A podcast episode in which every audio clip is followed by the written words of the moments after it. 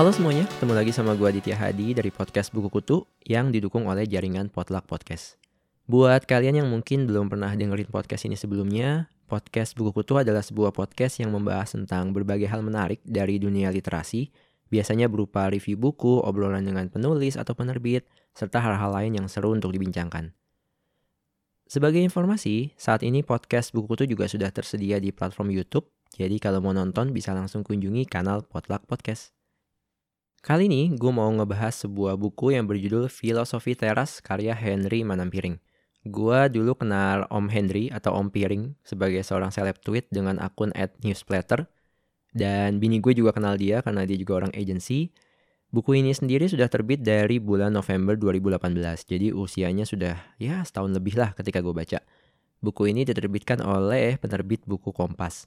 Dan uniknya, gue baru sadar sih kalau editornya buku ini adalah Patricia Wulandari alias Petty yang merupakan founder dari Potluck Podcast, tempat podcast ini sekarang bernaung. Jadi rada awkward sih. gue udah minta izin buat review buku ini dan katanya boleh, oke okay lah. Jadi gue bisa jujur di sini. Selain karena profil penulisnya, gue juga tertarik baca buku Filosofi Teras ini karena ratingnya cukup bagus di Goodreads. Banyak orang yang baca, topiknya juga menarik ternyata yaitu tentang filosofi Stoa yang beliau menerjemahkan sebagai filosofi teras. Kenapa begitu? Karena dari bahasa asalnya emang stoa itu artinya adalah teras. Jadi ceritanya dulu filsuf-filsuf stoa itu emang dia ngobrol-ngobrolnya itu di teras kayak alun-alun gitulah. Kenapa Om Henry memutuskan untuk nulis buku ini? Karena dia merasa dirinya sendiri dan banyak orang di sekitarnya itu yang suka merasa khawatir dan stres. Dan kemudian dia menerapkan untuk dirinya sendiri filosofi Stoa ini dan dia merasa berhasil dan akhirnya ingin berbagi kepada orang-orang lain. Filosofi Stoa sendiri atau filosofi teras ini merupakan apa ya ideologi yang sudah berusia lebih dari 2000 tahun. Dia awalnya itu kayak tanda kutip foundernya itu Zeno, kemudian ada tokoh-tokohnya ada Seneca, Epictetus, Musonius Rufus, Marcus Aurelius, banyak banget lah. Tapi emang bedanya dengan kepercayaan lain uh, filosofi Stoa ini bukan agama, jadi bisa diterapkan oleh semua orang. Dan uniknya buku ini adalah Om Henry itu berusaha menjelaskan filosofi yang udah tua itu dengan cara yang Indonesia banget.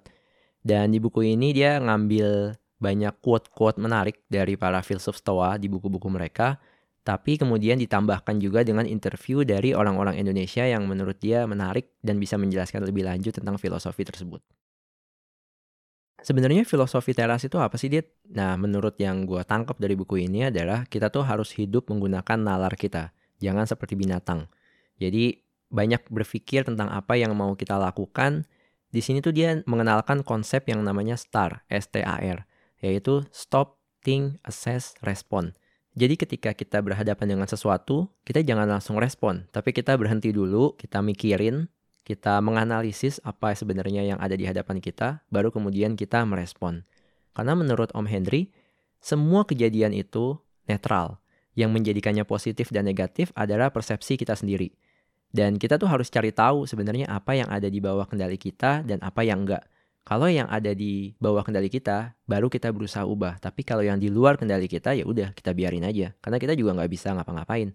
Contoh kita ke Sudirman Tamrin, kemudian macet. Ya udah itu kan sesuatu yang nggak bisa kita ubah. Tapi yang bisa kita ubah apa? Perasaan hati kita. Ya udah kita senang-senang aja kalau lagi macet. Selain itu juga ada konsep yang menarik menurut gue yaitu premeditatio malorum. Maksud dari konsep itu adalah kita harus membayangkan kejadian buruk yang akan terjadi ada aneh sih sebenarnya kan orang-orang banyak yang bilang kita tuh harus berpikiran positif jadi kita nggak boleh ngebayangin kejadian yang bagus-bagus aja, tapi kita juga harus ngebayangin kejadian buruk yang akan terjadi. Dengan begitu, maka kita bisa mengurangi ekspektasi kita sehingga kalau sesuatu itu yang kita inginkan nggak tercapai, kita nggak jadi stres. Di sini juga Om Henry mengenalkan kita dengan sebuah istilah stoa yang namanya amor fati. Ini banyak gue denger juga atau gue baca juga di buku-buku lain. Yang intinya adalah kita mesti mencintai nasib. Bukan menyukai nasib, bukan mengikuti nasib, tapi mencintai. Yang artinya apa pun yang terjadi sama kita, kita harus kayak embrace gitulah. Jadi kita harus menanggapinya dengan baik, dengan positif. Dan lanjutan buku ini adalah banyak bagaimana cara menerapkan filosofi Stoa menurut Om Henry dan orang-orang yang dia wawancarai. Salah satu contoh penerapan dari filosofi Stoa menurut Om Henry adalah dengan situasi yang ada sekarang orang banyak tersinggung di sosial media gitu kan. Nah, menurut Om Henry kita harus kembali ke konsep start tadi. Jadi kita harus stop, think, assess, baru respon. Jadi kita harus diem dulu, kita lihat, kita pikirin, oh sebenarnya orang ini bener nggak sih pengen menyinggung kita, motivasi dia apa sih? Dia tahu nggak sih apa yang sebenarnya terjadi? Dia sebenarnya ada intensi nggak sih untuk merendahkan kita? Kayak gitu. Karena menurut filosofi Stoa, nggak ada yang bisa merendahkan jiwa kita. Yang ada adalah kita kayak menganggap jiwa kita rendah, padahal sebenarnya kita tuh tinggi. Dan di filosofi Stoa juga, manusia itu sebenarnya sama. Kita sama-sama keturunan Adam, kita sama-sama terbuat dari tanah, kita sama-sama makan, tidur, jadi nggak ada alasan untuk kayak membedakan suku, agama, ras, kebangsaan, dan lain-lain. Lalu bagaimana cara filsuf stoa itu kalau mereka menghadapi musibah, kematian misalnya atau apa?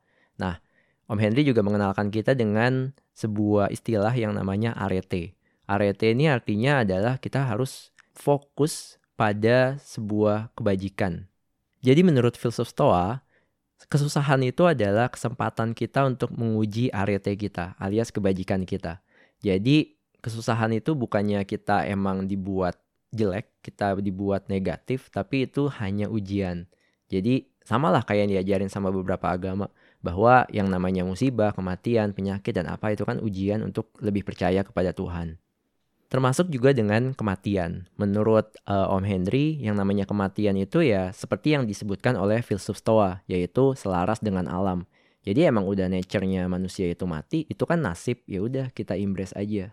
Balik lagi ke konsep amor fati tadi. Oke, okay, I think that's all. Selanjutnya gue akan ngebahas review gue tentang buku ini.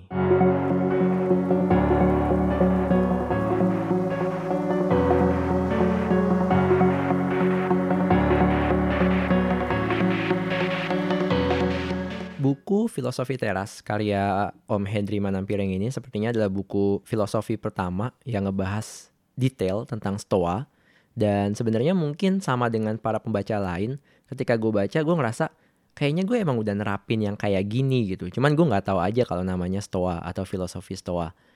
Gue kalau ketemu orang gue nggak pernah ngejudge orang itu baik atau buruk. Ya mungkin mereka nggak tahu aja kalau mereka ngungkapin sesuatu yang menurut gue nggak bener.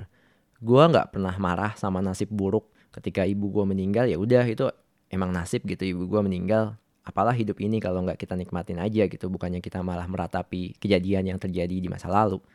Bahkan gue sendiri juga sempet kayak ngerasa ah kayaknya gue juga nggak takut deh sama mati. Toh itu juga kan kejadian sama semua orang kenapa gue mesti takut gitu. Cuma emang di buku filosofi teras ini gue ngerasa kayak konsepnya lebih dijelasin aja sih. Walaupun sebenarnya gue masih punya beberapa pertanyaan kayak gimana sih kayak kita nyeimbangkan filosofi Stoa yang menurut gue tuh kayak mirip dengan filosofi Jawa yang lebih nerimo atau apa. Bagaimana sih menyeimbangkan antara nerimo tadi dengan obsesi untuk atau ambisi untuk mengubah dunia. Karena banyak mungkin orang yang akhirnya kayak menyalahgunakan atau menyalahartikan filosofi Stoa ini jadi males-malesan atau apa gitu. Terus juga filosofi Stoa katanya nggak boleh marah atau bohong. Karena itu ber, tolak belakang dengan alam, bertolak belakang dengan nature-nya manusia. Terus bagaimana kalau kita bohong itu bisa berbuah kebaikan misalnya? Tapi ya seperti yang Om Henry juga bilang, buku ini cuma pengantar doang buat filosofi Stoa, nggak menjelaskan keseluruhan. Jadi kalau kamu mau baca lebih dalam, mau tahu lebih jauh, ya baca lagi buku-buku yang lain. Jadi poin utama gue adalah buku filosofi teras ini bagus banget menjelaskan tentang filosofi Stoa, gue rekomendasi orang-orang buat baca karena mungkin banyak juga yang belum tahu tentang filosofi tersebut. Tapi sayangnya gue cuma bisa ngasih tiga dari lima bintang. Kenapa? Karena gue jujur ada terganggu sama layout bukunya. Yang paling ganggu gue adalah kayak ada quote-quote di tengah halaman yang itu tuh mutus kalimat gitu. Jadi misalnya ada kata-kata saya mau terus tiba-tiba quote yang isinya kayak kata-kata. Terus baru berjanji bahwa kayak ini gue mesti balik lagi ke halaman sebelumnya sebenarnya dia ngomong apa kayak gitu itu sih yang kayak ganggu gue banget tapi akhirnya gue selesaiin juga buku ini karena kan tadi gue bilang kalau buku ini menjelaskan tentang filosofi stoa yang kita harus menerima kalau ada hambatan tantangan gitu kan jadi gue anggap ini kayak sebuah ujian aja buat gue ngetes. Gue ngerti nggak dengan filosofi stoa? Jadi gue anggap ini sebuah hal yang gue nggak bisa ubah karena udah dibuat sama penulis dan editornya dan layouternya ya gue hanya bisa menerima. Yang bisa gue ubah adalah perasaan hati gue ketika membaca buku ini. Cie keren gak? Ya paling itu aja sih. Buku ini bener-bener dorong gue untuk baca lebih jauh buku-buku lain tentang filosofi stoa dan paling yang gue nggak suka ya cuman tentang layout tadi gitu. Dan gue juga kan bacanya di Gramedia digital jadi versi ebook. Mudah-mudahan kalau versi cetaknya dan kayaknya kan udah beberapa kali naik cetak juga mudah-mudahan lebih baik lah. Sekian review dari gue jangan lupa untuk follow podcast ini di Spotify dan SoundCloud. Dan kalau mau reach out gue untuk ngasih rekomendasi buku atau ngasih rekomendasi penulis yang mesti gue ajak ngobrol atau topik menarik soal dunia buku bisa langsung reach out gue di Instagram at podcastbukukutu, di Twitter at podcastbuku, atau email podcastbukukutu at gmail.com. Jangan lupa juga buat beri dukungan untuk jaringan Potluck Podcast dengan follow Instagram at Potluck Podcast. I think that's all. Thank you for listening. See you and ciao.